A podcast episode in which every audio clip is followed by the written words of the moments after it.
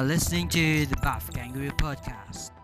Assalamualaikum warahmatullahi wabarakatuh. Salam sejahtera bagi semuanya. Waalaikumsalam, salam sejahtera. Ya hari ini kita bertiga ya, gua sama Rehan. Berempat bro hari ini. Oh, berem enggak, host ya, host ya, host, Hostnya, host siap, ya. siap, siap. Kita reuni lah gitu sama Rehan. Oi. sama Vio nih mumpung dia lagi di Jakarta nih. Jing. ya jadi hari ini ini kita mendapat tamu spesial. Selalu semua tamu dibilang spesial sini ya. Iya. Spesial, kok. ja- Jauh-jauh kita ke Cibubur dari base camp kita di ya nggak tahu lah di mana. Ya, selamat datang Bro Marlaut. Yo, sama eh gue seneng banget nih, seneng banget gue. Kan yang ngebuka pertanyaan selalu gue ya. Iya. Terus biasanya juga gantian sama Rehan. Sekarang Vio aja deh yang buka. Buka pertanyaan. Iya. Buka dong ya. Kalau dari gue sih uh, awal-awal nih uh, ya sebelumnya gue di brief segala macam lu pernah latihan di Thailand kan dan dapat sertifikasi di Thailand. Nah, untuk pertanyaan pembuka dari gue gimana nih uh, pengalaman latihan di Thailand, uh, trainingnya gimana, sparringnya gimana, pokoknya uh, package-nya gimana lah dan uh, bagaimana lu caranya dapet sertifikasi uh, dari sana yang uh, ya itu sih kalau dari gue. Ehm, kalau dari sana sebetulnya dari Thailand sendiri gue belajar eh, bener-bener otentik Muay Thai otentik. Jadi gue pengen tahu gimana sih Muay Thai itu seperti apa yang yang cocok untuk eh, di Indonesia seperti apa. Dan di sana akhirnya gue harus menjalani seperti layaknya orang biasa gue harus sparring harus eh, tetap eh, menjalani course-course. Jadi kalau sekolah Muay Thai di sana itu sebetulnya lo akan dimasukin untuk beberapa course. Nah course ini rentan ada sebulan, ada dua bulan. Nah course ini menyangkut contoh misalnya dari elbow course, knockout course, roundhouse kick course. Oh jadi spesifik ke Spesifik. setiap teknik dulu ya? Nah, nggak dan nggak setiap sertifikat itu bisa lu dapet.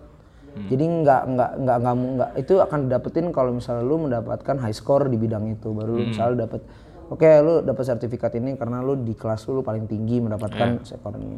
Dan sekolah gue didesain untuk bagaimana cara mengajar dan mengimplementasikan martial art Muay Thai itu sendiri ke dalam MMA, ke dalam eh, ke dalam misalnya negara kita sendiri. Jadi kita nggak bisa nih. Setelah gue pelajarin banyak hal, nggak bisa lu masukin sesuatu yang dari Thailand asli, lu masukin ke Indonesia dan pasti budaya kita akan menolak gitu. Jadi gimana caranya nih cocok nih bagaimana uh, budaya uh, Muay Thai tetap otentik tapi masuk ke budaya Indonesia gitu loh. Nah itu yang lagi ya, itu yang gua gua dapatkan dari sana gitu hingga akhirnya sekarang gua harus uh, mempraktekkan itu hal, hal itu di camp gua hingga akhirnya si- menjadi sistem dan bisa menjadi sekolah ke depannya menjadi sistem franchise. Gue pengen sistem franchise. Jadi yang, dap- yang gue dapat dari sana banyak. Jadi course-course itu sangat uh, course-course itu sangat apa namanya? Course-course itu sangat banyak. Gue harus jalanin itu. Gue dapat cum laude di sana. Gue dapat da- dapat uh, rank tertinggi dari Indonesia dari dari dari, dari berbagai macam orang di dunia. Bukan karena kehebatan atau wow fisik yang luar biasa, tapi gue menguasai materi dan akhirnya gue dipercaya untuk menjadi uh, jadi kru. Gue mendapatkan uh, apa ya kita dibilangnya eh mendapatkan penghargaan lah gue dikasih penghargaan sebagai kru kru itu ya sebagai guru lah. Kru nah kru ini gue akhirnya mendapatkan lisensi sertifikat gue gue bawa bisa buka camp Muay Thai di belahan dunia mana pun. Ya. nggak ada yang nuntut gue karena gue dari pemerintahan Thailand asli. Jadi apa pun yang gue share apa pun yang gue kasih itu sudah di approve sama pemerintah Thailand. Jadi sertifikat gue itu berdasarkan dari pemerintah Thailand. Jadi otentik. Kalau kan itu dari uh, ya training lu dan uh, sertifikasi lu. Gue mau nanya ini sih kalau dari sisi Thailand sebagai olahraga sendiri di Thailand Iya. kan national sportnya National mereka. sport, iya. Uh, kita sering dengar banyak cerita tentang oh pertandingan-pertandingan di stadion, Hmm, di iya. pasar segala macam. Nah, hype dan euforia uh, olahraga Muay Thai di Thailand ini yang lu alamin gimana sih? Hype-nya adalah bahwa sebetulnya ini dasarnya budaya ya. Nggak jauh beda sama silat sih. Cuman mungkin mereka lebih dijual dan dikembangkan. Hingga akhirnya Muay Thai. Mungkin dasarnya Muay Boran ya kan. Nah, hype-nya itu di Thailand bahwa itu adalah sebuah eh, mat- jadi gini di Thailand itu budayanya mereka bukan orang-orang punya, kebanyakan mereka ada rakyat nggak punya. Jadi kayak di Cina juga. Kalau lu pengen sukses, satu-satunya jalan adalah menjadi atlet. Iya. Lu nggak bisa menjadi bisnismen. Pada saat itu tertutup tertutup negara Thailand. Nah hingga akhirnya kegiatan itu berjalan terus menerus menjadi sebuah championship kejuaraan. Dulu mungkin Thailand nggak mengenal orang luar, sekarang digabung. Orang luar pada main di Lumpini, Raja Damnen semua, orang luar pun main. Jadi sekarang sisinya kalau gue lihat hype-nya lebih ke bisnis. Jadi Thailand ini mendapatkan visa yang lebih tinggi, akhirnya juga mendapatkan uh, apresiasi dari negara luar bahwa Thailand itu nggak seburuk yang kita pikir. Jadi lebih ngejual ke bagian budaya mereka hingga akhirnya sekarang gua rasa menjadi bisnis negara sih bisnis. Tapi sekarang yang gua ada isu-isu terbaru banyak camp tutup di Thailand ya, karena nggak ada sertifikat itu sendiri. Jadi camp-camp di Thailand pun sendiri harus mendapat persetujuan dari uh, uh, dari Kementerian Negara itu sendiri. Kalaupun lu buka camp di Thailand lu nggak ada sertifikat dari negaranya juga ditutup. Jatuhnya lu fraud, penipuan. Gitu sih. Terus pas lu di Thailand itu lu eh, berapa lama ya waktu lu di Thailand? Gue sih ke Thailand ini ketiga ya. Mungkin kalau di combine mungkin adalah setahun, tapi ke terakhir gue ke sana gue cuma sebulan setengah. Nah sebulan di setengah gue baga- gue belajar di sana gimana sih cara jadi promotor, jadi promotor yang baik. Gitu. Baik buat petarungnya, baik buat cari uang. Jadi sebagai promotor juga di sana dikasih ilmu-ilmu karena banyak kan promotor-promotor fight di sana. Karena mereka acaranya mungkin dalam semalam bisa 75 event, 70 event dalam semalam. Mungkin promotor banyak lo bisa cari ilmu. Ehm, terus juga di sana eh, apa namanya eh, bahwa eh, lu kalau mau tajir juga lu kalau mau sukses di dunia ini lu nggak bisa setengah-setengah sih. Jadi even lu jadi fighter yang bener-bener hebat atau menjadi guru yang bener-bener hebat atau punya camp yang bener-bener lengkap gitu aja sih. Terus ngomong-ngomong juga kemarin barusan kita bikin video ya, agak nggak nggak- kritik sih, cuman kita lihat apa namanya tren aja kayak banyak fighter Indo tuh pada ke Bali semua. kayak di Phuket kalau di Thailand Iya, ya. kayak, kayak di Iya, Phuket, iya, iya, tapi iya. m- kayak tadi lu ngomong juga. Sekarang Thailand 11 12 lah kayak di Bali kan. Maksudnya makannya, nginepnya. Eh, itu kayak kenapa sih nggak sekalian aja 100% kayak ke Thailand kayak beneran Muay Thai dibanding kayak misalnya lu paksain diri lu ke Bali karena mungkin nggak tahu ya gitu maksudnya bukan yang ngejelekin Bali cuma maksudnya kayak ya Bali MMA pasti ada batasnya lah dibanding kayak di Thailand kan lu banyak option benar, benar. Iya kan? Banyak menunya. Iya kayak dari tren sih kayaknya kayak misalnya Brando, terus Wali Teo, Abid, orang-orang pokoknya banyak kan fighter fighter one fight Teo pun sekarang udah ke Bali MMA gitu. Menurut lu sebagai lu yang udah ke Thailand nih, kayak menurut lu kenapa nggak sekalian aja sih ke Thailand? Padahal kan kos hampir semua kos bahkan juga sewa-sewa motor juga di Phuket-Phuket juga sama aja kan. Ya dan lu juga udah pernah lu udah lap, ya lu udah tadi udah ber- berkali-kali kan lu di Master Todi kan lu. Menurut lu kan menurut lu kenapa pada mereka milih ke Bali dibanding kayak nggak Oke. ke Thailand? Karena kayak salah satu salah satu manusia yang ke Thailand gitu paling baru cuman lu yang gue lihat juga Mustadi pernah kan. Adrian juga Tati juga. Iya. Tapi kok yang lain malah milih ke Bali gitu. Hmm. Jadi mungkin kalau menurut gua, gua juga nggak maksud mungkin men- menjawab pertanyaan ah, bagaimana kenapa mereka ke sana ya. Cuman mungkin needs kebutuhan gitu. Pada saat mungkin gini, ah mungkin kalau gue sparring partner di sana atau misalnya gua mungkin kebutuhannya mereka berasa bahwa dengan gua ke Bali, gue udah bisa menjadi juara lokal atau bagaimana. Mungkin itu pilihan mereka. Tapi mungkin kalau misalnya lu ke Thailand, tergantung needs. Kadang beberapa gini, lu harus lihat background fight fighternya masing-masing. Kadang mereka backgroundnya sansao, wushu. Kadang mereka basicnya boxing. Kadang mereka basicnya basicnya wrestling. Nggak bisa dip- dipotakan udah semua ke Thailand. Mungkin ah nggak gue mau ke Cina aja. Kayak di sini ada Sony ya. Sony gue tanya, Son, eh, gimana lu mau ke Thailand? Nggak bang, gue kalau misalnya mau latihan keluar, gue mending ke Cina. Nah itu needs-nya tadi gitu. Mungkin menurut mereka kebutuhan gue di sini. Gitu. Kalau gue ke Thailand, gue nggak mencukupi kebutuhan gue, karena mungkin tujuannya di sana mungkin beda gitu loh. Tapi kalau gue kalau gue pribadi, pada saat gue membuka sebuah sebuah tempat usaha atau gue menjual jasa, gue pengen banget bener-bener belajar dari yang asli gitu. Karena gue nggak mau ada diedit atau sedikit atau yang gue berasumsi, oh yang cocok ini enggak. gue harus belajar langsung ke sana gitu dan gue benar-benar menyarankan bahwa kalau emang lu sekedar pengen fight lu pengen persiapan gitu loh di sama kayak di Thailand di Phuket juga ribut. Sama kayak di Bali sama di Jakarta. Kenapa sih semua fighter-fighter UFC pada ke Phuket? Padahal yang asli itu di Bangkok. Yang benar-benar gila-gila itu di Bangkok. Ya karena mereka pengen sambil vacation gitu. Pengen liburan intinya mah pengen mungkin ah kalau gue di situ gue stres banget abis latihan gue nggak bisa ke mana-mana. Karena ada beberapa petarung yang begitu. Gitu. Ya, mungkin di balai MMA mereka punya sistem modern yang mungkin bisa juga diambil sama mereka gitu. Di mengenai MMA tersendiri jadi nggak ada salahnya sih kalau menurut gue di mana aja. Kan tadi kayak ngomongin ya kenapa uh, anak-anak Bali eh or- orang-orang nggak ke Thailand aja segala macam tapi gue mau nanya sih uh, kualitas trainer kualitas fighter orang-orang Thailand dan apa yang bisa mereka offer untuk kita itu uh, kayak gimana sih? Kayak dari segi kualitas yang mereka bisa berikan ke kita. Nah, yang pasti kalau gue mikir gini, mereka kan udah pertama budaya sendiri, kedua mereka udah menjalani itu dari mereka kecil. Yang pasti yang mereka ajarin ke kita itu nggak keluar dari kitab. Jadi kalau ada beberapa orang bilang, eh Muay Thai itu nggak ada kitabnya, jadi mau kayak gimana juga terserah, eh nggak bisa. Muay Thai itu ada kitabnya, gitu. ada caranya, cara ngajarinnya. Nah, bagaimana caranya gitu kan? Nah, mereka yang paling sangat mengerti karena gini, lu akan ngerasa sangat berbeda, ngerasa akan sangat berbeda pada saat lu merasakan dilatih orang Thailand. Contoh gini, misalnya gue ngelatih lu di Indo, gue pakai bahasa Indo, gitu. Udah pakai bahasa kita loh. Lu, lu bisa ngerti wajar. Lu di Thailand, lu pakai bahasa tubuh men, dan lu bisa mengerti. Berarti berapa hebatnya mereka kalau mereka bisa satu bahasa sama lu.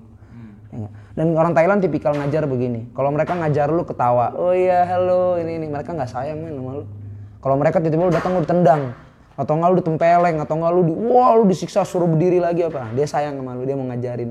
Jadi bedanya karakter orang Thailand adalah gua nggak peduli berapa duit yang lu punya. Lu mau belajar nggak? Lu nggak mau lu keluar aja.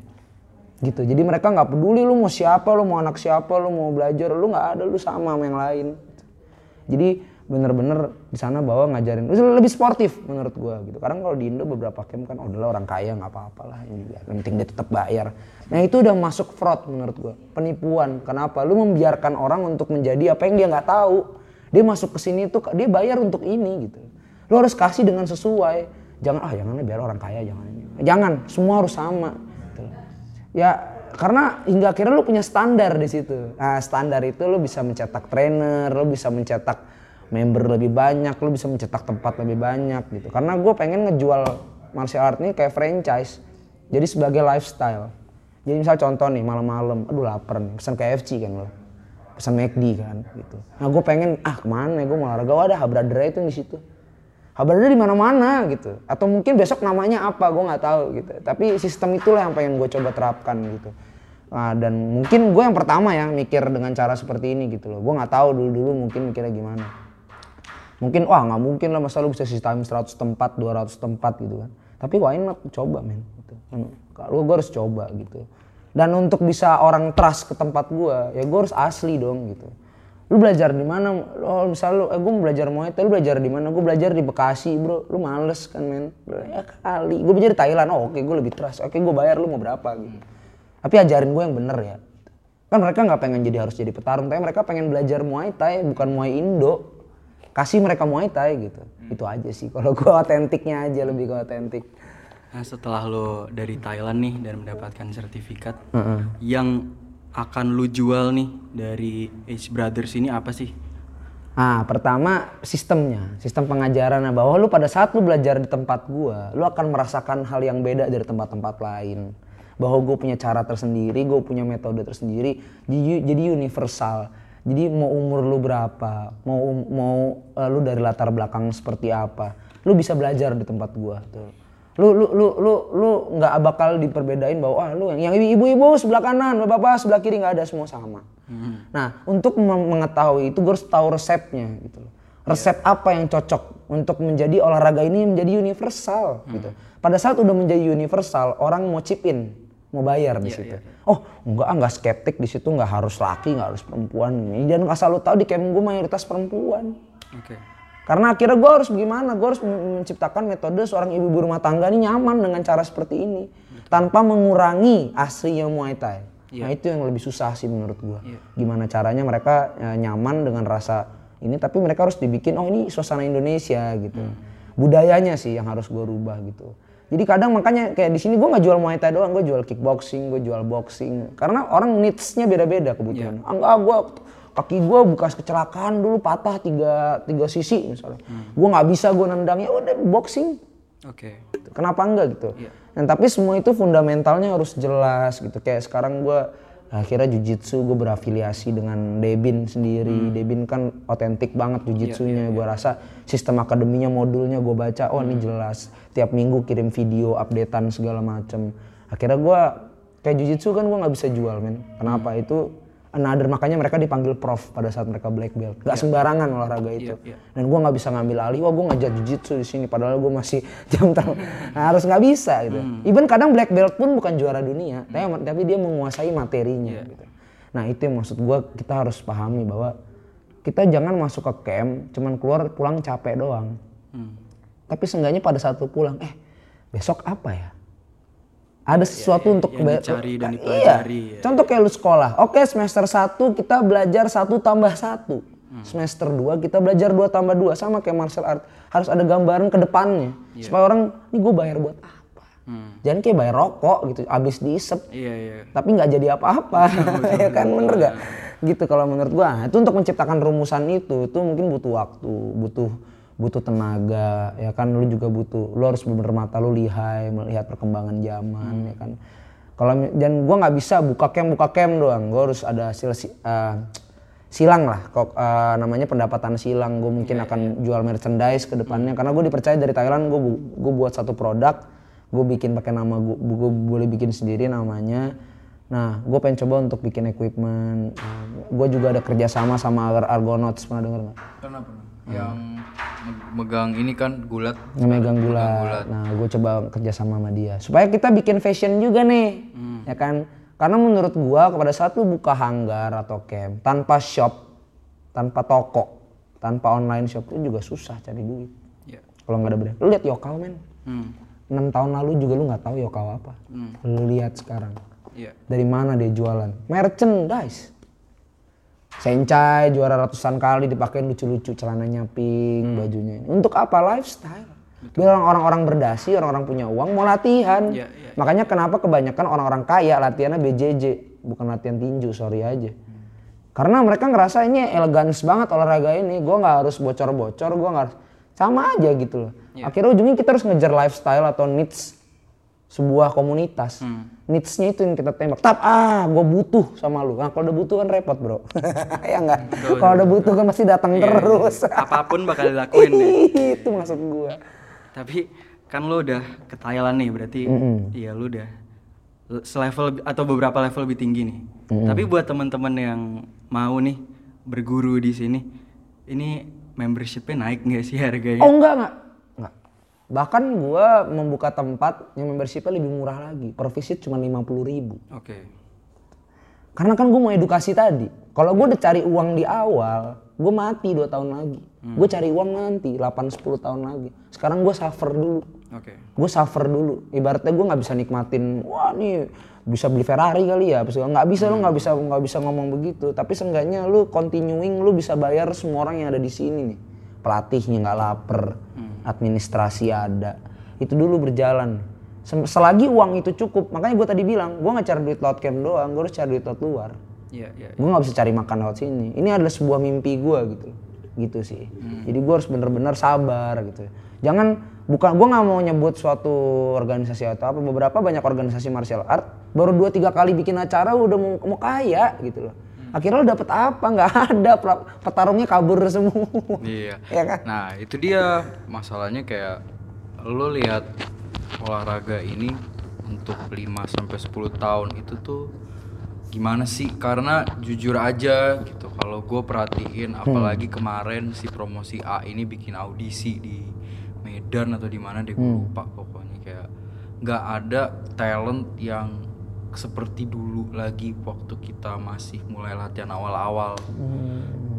Iya kan? ngerti? Betul, betul, Kayak- betul, kayak- betul. kayak- Talentnya pada nggak ada. Iya, Pada kayak- udah kayak cuma orang nyari berantem doang. Betul, perta itu kedua juga mungkin juga trennya udah mulai nggak ada juga karena juga yang bikin trennya itu yaitu UFC gitu karena lagi naikin namanya Conor McGregor lagi naik namanya Khabib karena kan kalau jujur aja gitu kalau di Indonesia ya apa-apa kita ada apa suatu hal yang dari barat pasti kita imitasi gitu Betul, betul. Iya kan? Betul, benar. Bukan value-nya jadi buat martial arts itu mau kita ngomong silat, taekwondo segala macam, ngomong MMA udah mulai menurun karena ya itu budaya barat itu yang harus menurut gue juga itu mungkin karena obligasi mereka untuk menjual fight itu di bule itu harus trash talk ya kan jadinya kayak di sini jadinya kebawa juga gitu loh kayak yang boxing ngikutin Floyd Iya. yang MMA ngitu- ngikutin Conor yang BJJ ngikutin uh, orang-orang Dylan Dennis Dylan ngikutin Dennis. iya ngikut ngikutin Ten Planet sekarang kayak Wah, iya, iya. Lagi gokil ya Ten Planet ya. gokil gokil Ten Planet gokil walaupun kayak dulu zaman dulu waktu zaman gua sama Vio latihan bareng dua kita latihan bukan nyari bukan nyari coolnya gitu loh nyari ya seru aja kayak gua bener-bener kayak setiap jam 8 malam gitu Hmm. ketemu tem- cuman pengen ketemu temen gue kayak nongski belajar teknik eh gue kita belajar ini besok gitu. Hmm. udah tapi sekarang kayak kalau gue perhatiin kayak di gym mana aja gitu kayaknya orang datang latihan pulang. Atau kayak datang eh bang saya mau jadi fighter sini gitu. Kayak menurut lo gimana tuh? Yang nggak ada yang nggak ada duitnya masuk ya. Atau nggak banyak banyak yang apa latihan latihan dikit, teknik-teknik dikit, abis latihan foto-foto, terus sosokan di Instagram di post-post kan banyak juga yang kayak gitu. Iya, iya baik banget iya, kayak benar, benar, benar. jadinya susah gitu loh regenerasi buat buat lu juga sebagai gym manager juga nyari regenerasinya gue udah mulai susah jadi lu lebih effort lagi gitu loh sekarang buat nge, nge- ngajarin masa untuk ngebalikin value martial arts itu loh supaya jadi ngetren lagi itu Eh, kalau gue sih tetap optimis sih, optimis. Ah mungkin kalau gue bisa bilang itu sih, gue nggak bisa bilang salah orang, salah gymnya sih. Lu ngajarin apa? Sama murid lu foto-foto doang. Iya, Gitu. Berarti kan diajarin cuman gaya. iya. Nah makanya yang tadi gue bilang gitu, susah juga kalau misalnya kita yang tadi gue bilang, ah gue bikin gym untuk dua tahun ini gue tarik duit habis itu gue tutup. Nah itu yang ngerusak ngerusak ngerusak ngerusak vibes tuh kayak gitu gitu tuh. Nah, terus sorry gue potong ya. Kalau 5 sampai 10 tahun ini ke depan dengan usaha lu nih sekarang untuk nge-build Hmm. Edge Brothers itu di mana lu sekarang harus mikir ke market millennials gitu. Hmm. Boleh nggak kasih tahu apa sih sekarang kuncinya supaya eh, kayak gym MMA gini bisa hidup gitu loh. Hmm. Kayak u- dalam opini lu aja. Hmm. Kalau opini gue sih, kalau dari se- segi milenial, eh, segi milenial tuh gue nyerangnya gini, bahwa lo lihat deh, kok kualitas anak-anak zaman sekarang, anak-anak sekarang tuh lebih jago-jago ribut cuy dibanding kita zaman dulu. Itu kan ikut zaman. Coba kalau zamannya kita bikin, atau enggak di, di 5-10 tahun ini gue membuat sebuah membuat sebuah edukasi, bla bla bla terus terus gue masukin dengan gaya uh, anak yang sekarang kan lebih konsumtif ya, lebih konsumtif. Dan menurut gua olahraga ini meningkatkan kecerdasan, meningkatkan banyak spek lah dari fisik segala macam. Nah anak-anak sekarang ini cara berpikirnya juga lebih dewasa dibanding kita. Gitu. Gak ada lagi lihat anak-anak sekarang main sepeda, main apa. Udah dewa, gayanya udah tua gitu. Nah gaya-gaya seperti inilah yang sebetulnya kita harus kayak brainwash nih. Lu butuh, lu butuh ini, lu butuh. Kayak contoh gini, lu di Amerika, lu wajib main gulat. Kalau nggak lu selesai sama teman-teman lu yang nggak digulatin tiap hari. Itu karena udah semua orang.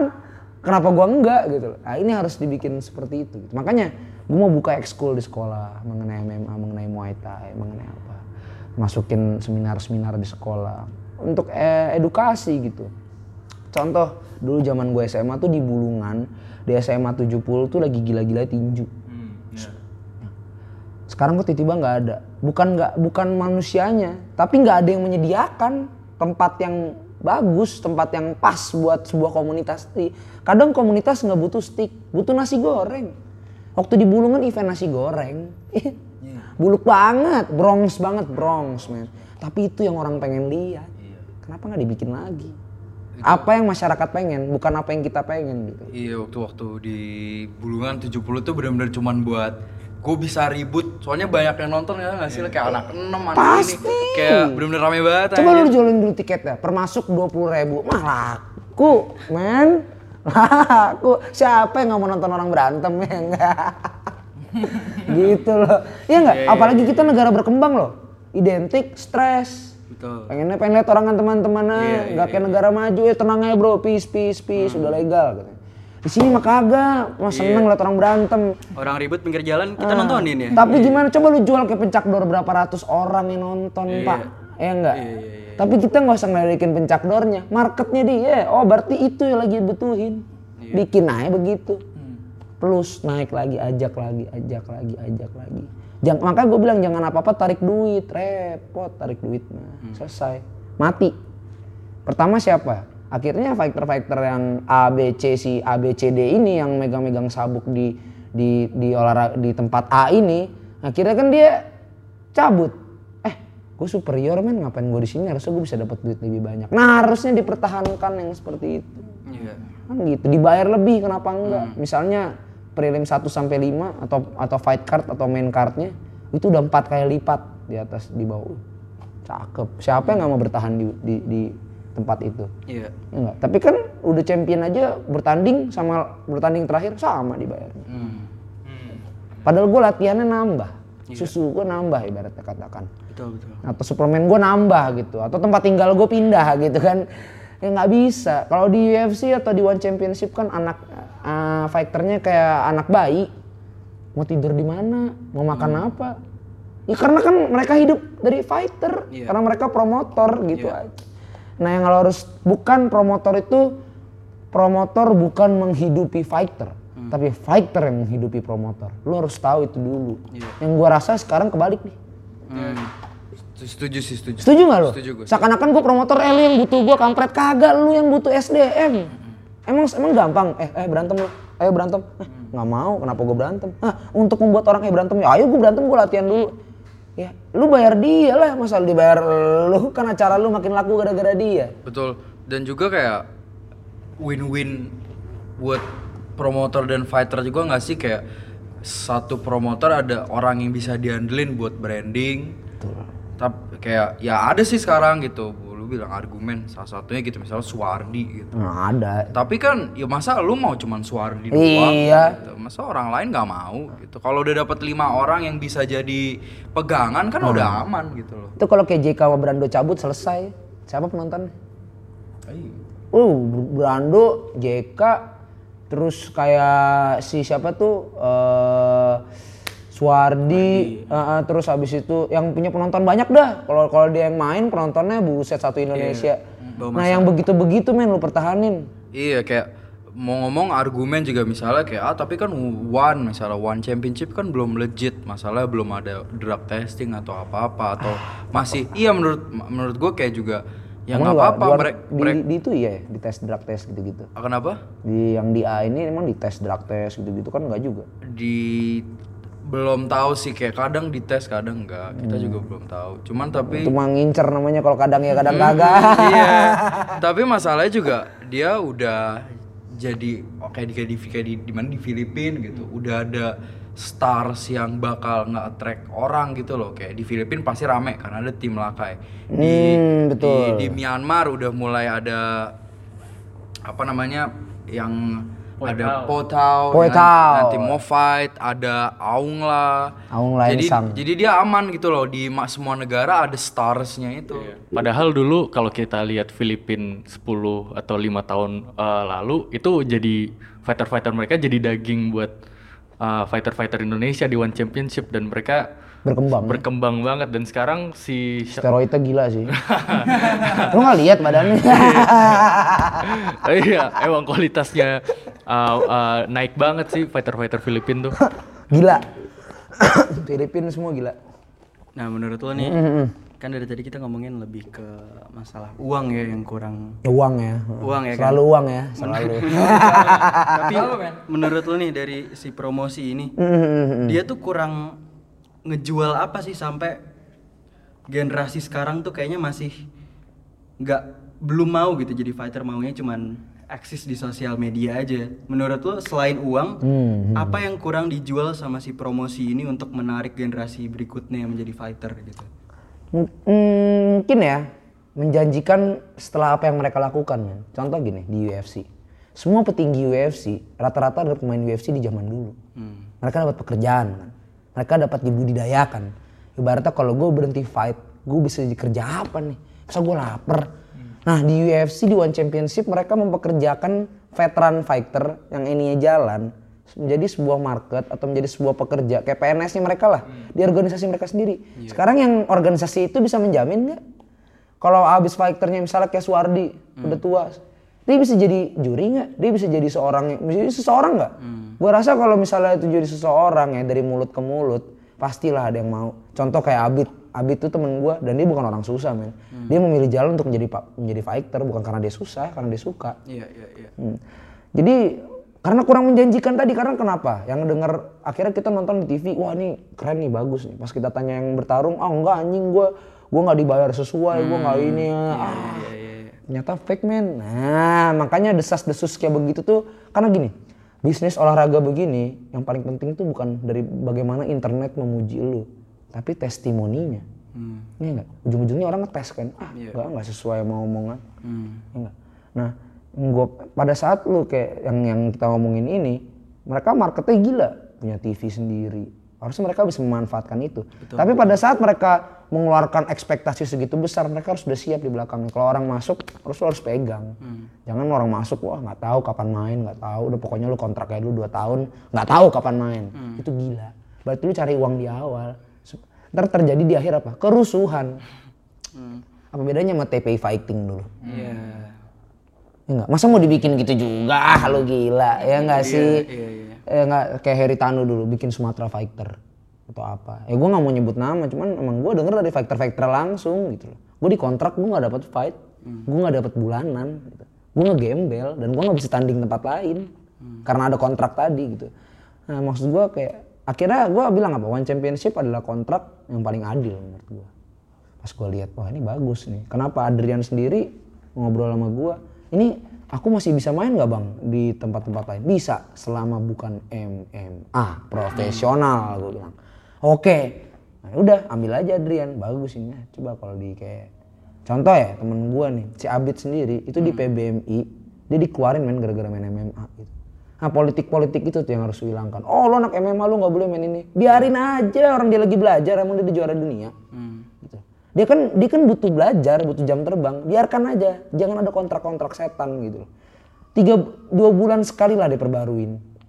Misalnya dua bulan gue kontrak lu, dua bulan bisa putus. Gue sampai dua tahun kan. Iya nggak? Atas dasar apa lu bisa ngikat kaki manusia selama dua tahun, hak dan kewajibannya lu pegang? Nggak mungkin. Iya nggak? Lu sama aja matiin rezeki orang begitu.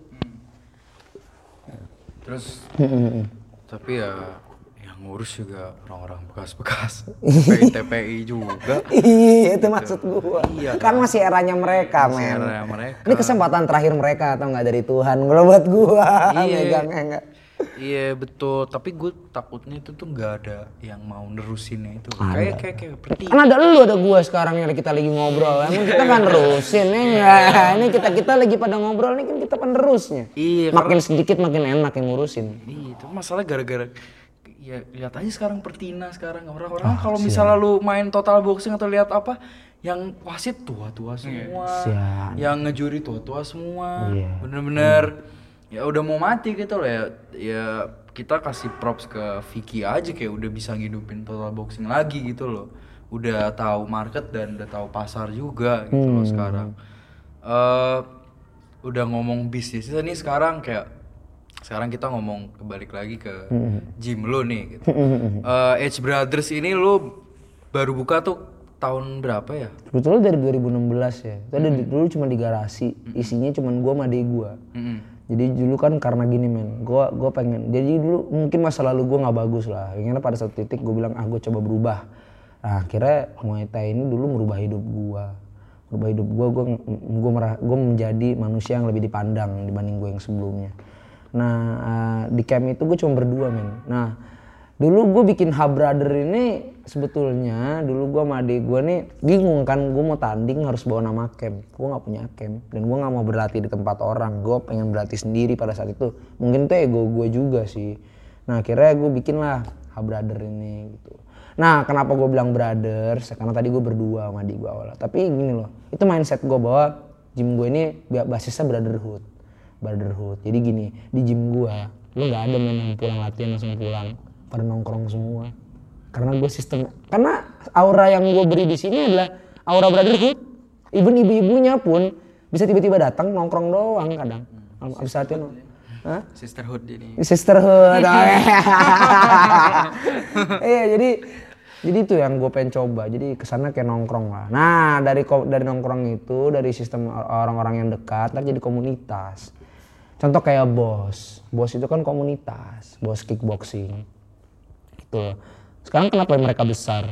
Ya mereka kayak ormas gitu loh. Nah cara cari uangnya beda lagi. Nah gue nggak mau komen tuh soal cari-cari uang dari situ. Cuman ya itu kan macam-macam cara orang. Dari komunitas lewat apa. Semakin banyak orang yang merasa tempat ini menjadi manfaat semakin lama lu hidup. Gitu aja. Selama tempat lu masih ngasih banyak ngasih manfaat buat orang lu masih bisa hidup men. Gitu loh.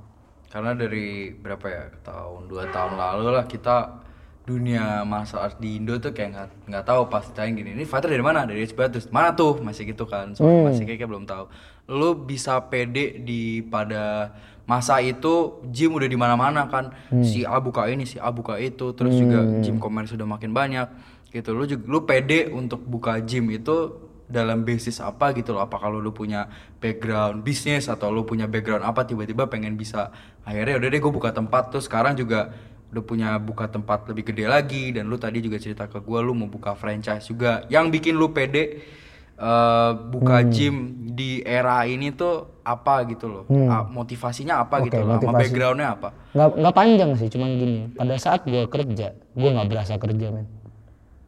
Ngerti nggak? Ngerti gue jadi kayak mungkin lu di sekolah anjing pagi banget nih gue bangun di sekolah. Aduh males banget sekolah. Tapi kalau gue bangun eh gue harus bangun anjir. Gue harus ngelakuin sesuatu. Gue cinta sama apa yang gue lakuin. Hingga akhirnya gue ada kata never quit buat gue gue nggak pernah berhenti. Pakai pro nggak tuh? Jadi gue beneran pro never quit gitu ya. Saya jadi iklan loh men. Bangun bangun pagi. Ah, Iya.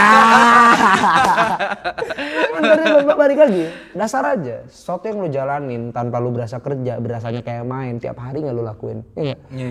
Kayak main warnet gitu contoh. Lu tiap hari lakuin. Coba lu serius. Lu jadi lu jadi apa tuh yang jago sekarang tuh main di Fortnite. e-sports e-sports Ya kan yang sampai miliaran main. Itu kan sesuatu yang lu tekunin berlebih sebetulnya. Karena lu punya faith, lu punya harapan di situ. Ya akhirnya gue gue nggak mau men. Gue kerja gue bukan ngehina atau gue ngomong-ngomong oh, orang yang kerja di kantor.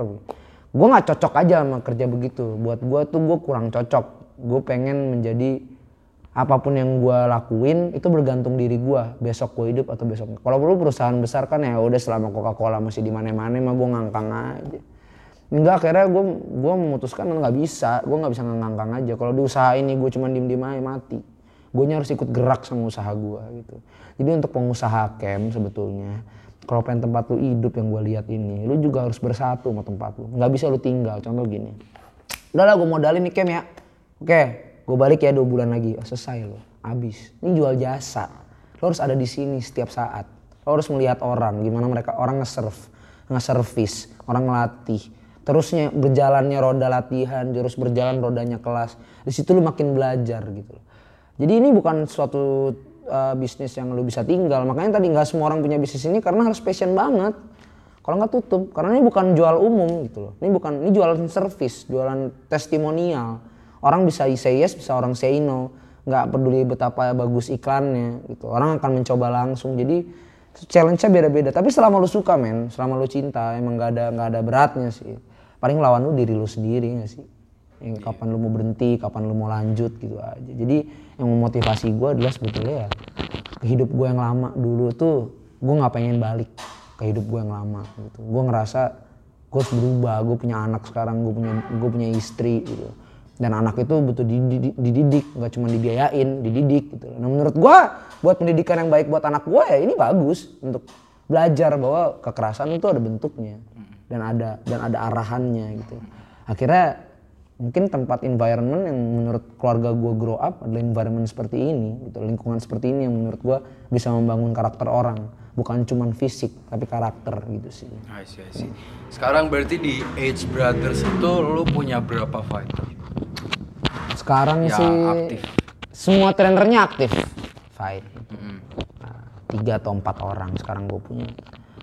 Cuman yang bener-bener profesional satu sekarang kebetulan dia juga udah berkembang di banyak bela diri gitu kan. Nah pelatihnya pun uh, udah senior. Maksudnya senior dalam arti bukan umurnya tapi dalam memegang memakai ba- banyak karakter karakter orang. Nah sebetulnya gini bro. Gue nggak peduli camp gue tuh fighter harus jago atau enggak tuh enggak tapi seenggaknya lu bisa dijual satu. Kedua lu jujur. Ketiga lu bisa ngajar. Ujung-ujungnya lu petarung ngapain? Ngajar. Betul. ngajar. Lu nggak mau ngajar selesai lu Terus Hmm. pas tadi juga pas sebelum kita mulai podcast lu Hmm. bilang kan lu ada orang yang uh, fighter datang ke sini dari benar-benar nol. gitu. Hmm, Ya hmm, kan? hmm, dari nol. Dari nol, dari nol. Uh, di luar ngajarin fisik kayak misalnya ngajarin teknik ini A, B, C, Hmm, D, J, segala macam.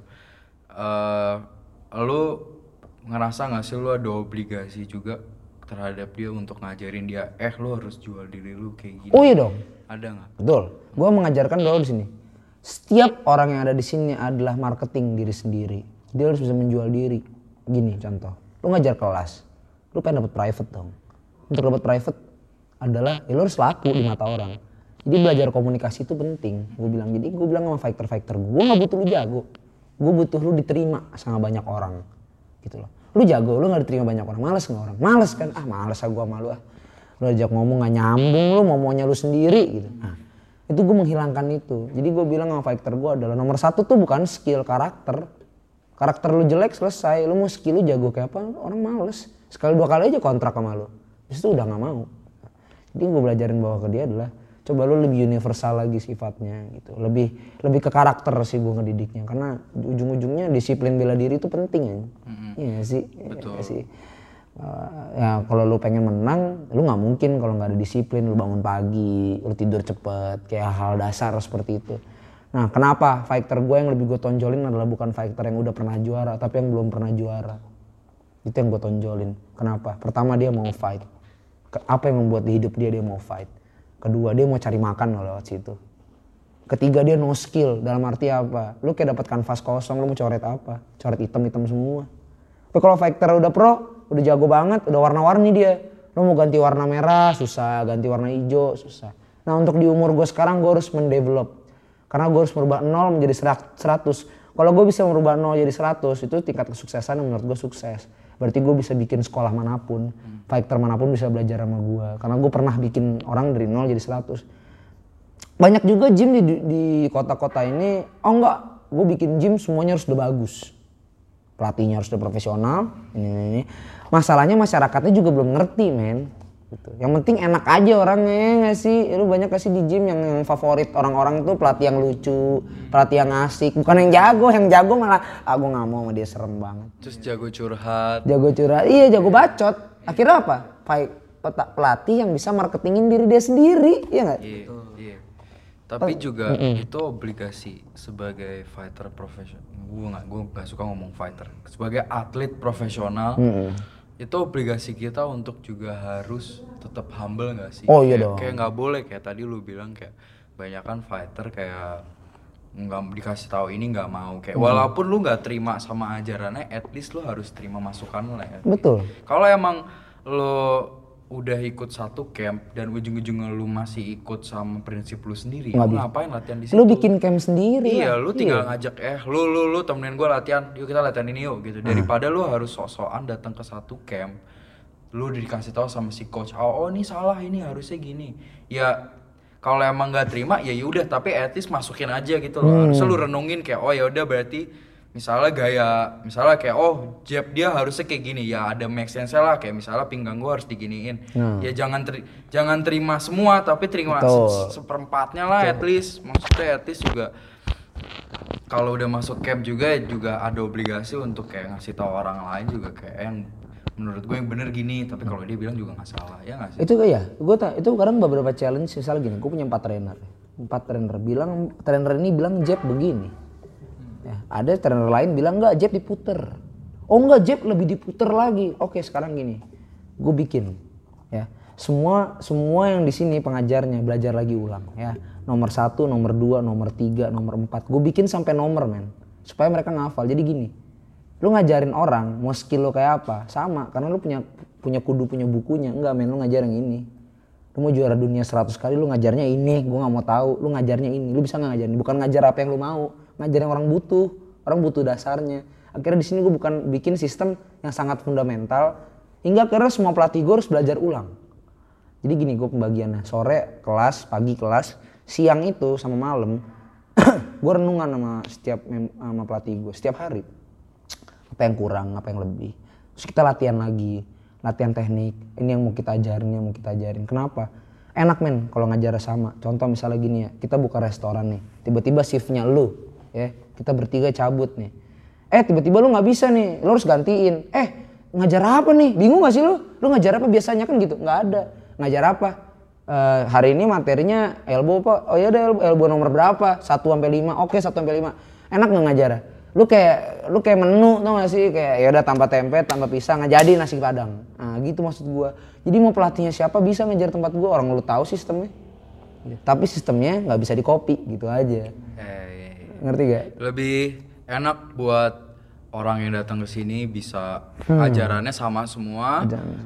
Level misalnya ada yang level tinggi, ada yang level rendah belajar sama semua. Bu, enak buat trainer juga kayak ada nggak misalnya nggak tahu mau ngajar apa udah tahu ya udah gue ngajar ini hari ini. Gitu. kayak gue sekarang Nggak guesswork jadinya. Betul. Iya. Kadang gini, eh kemarin tapi coach saya belajar sama coach yang itu elbownya tangannya di sini tapi nah kan perdebatan. Yang halnya nggak penting dalam kelas yang harusnya lu tinggal edit go aja.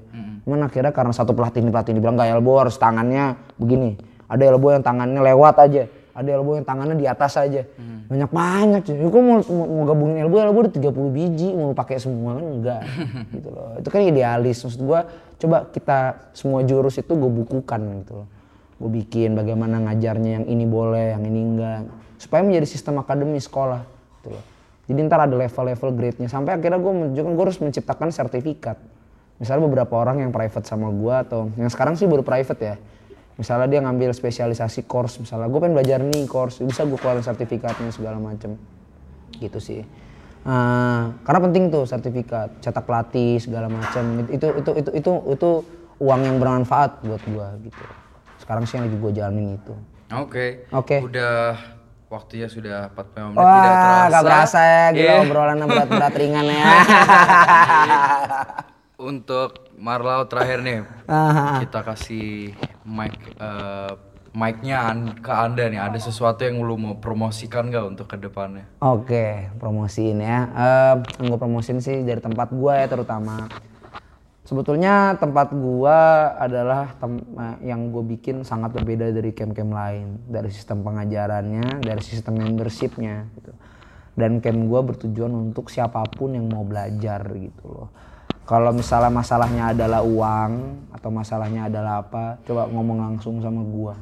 Gitu beberapa orang yang punya niat yang baik tanpa ekonomi, ekonomi yang cukup banyak gue bantu di sini gue berdayakan gitu toh juga yang punya uang juga gue nggak peduli gitu. Tapi seenggaknya tempat gue ini punya eh, punya capable of punya capable buat eh, nge-build karakter lebih gitu loh. Jadi hal-hal positif ada di tempat gua gitu. Dan doain juga nih buat Buff Kangguru nih supaya bisa tetap dapat franchise.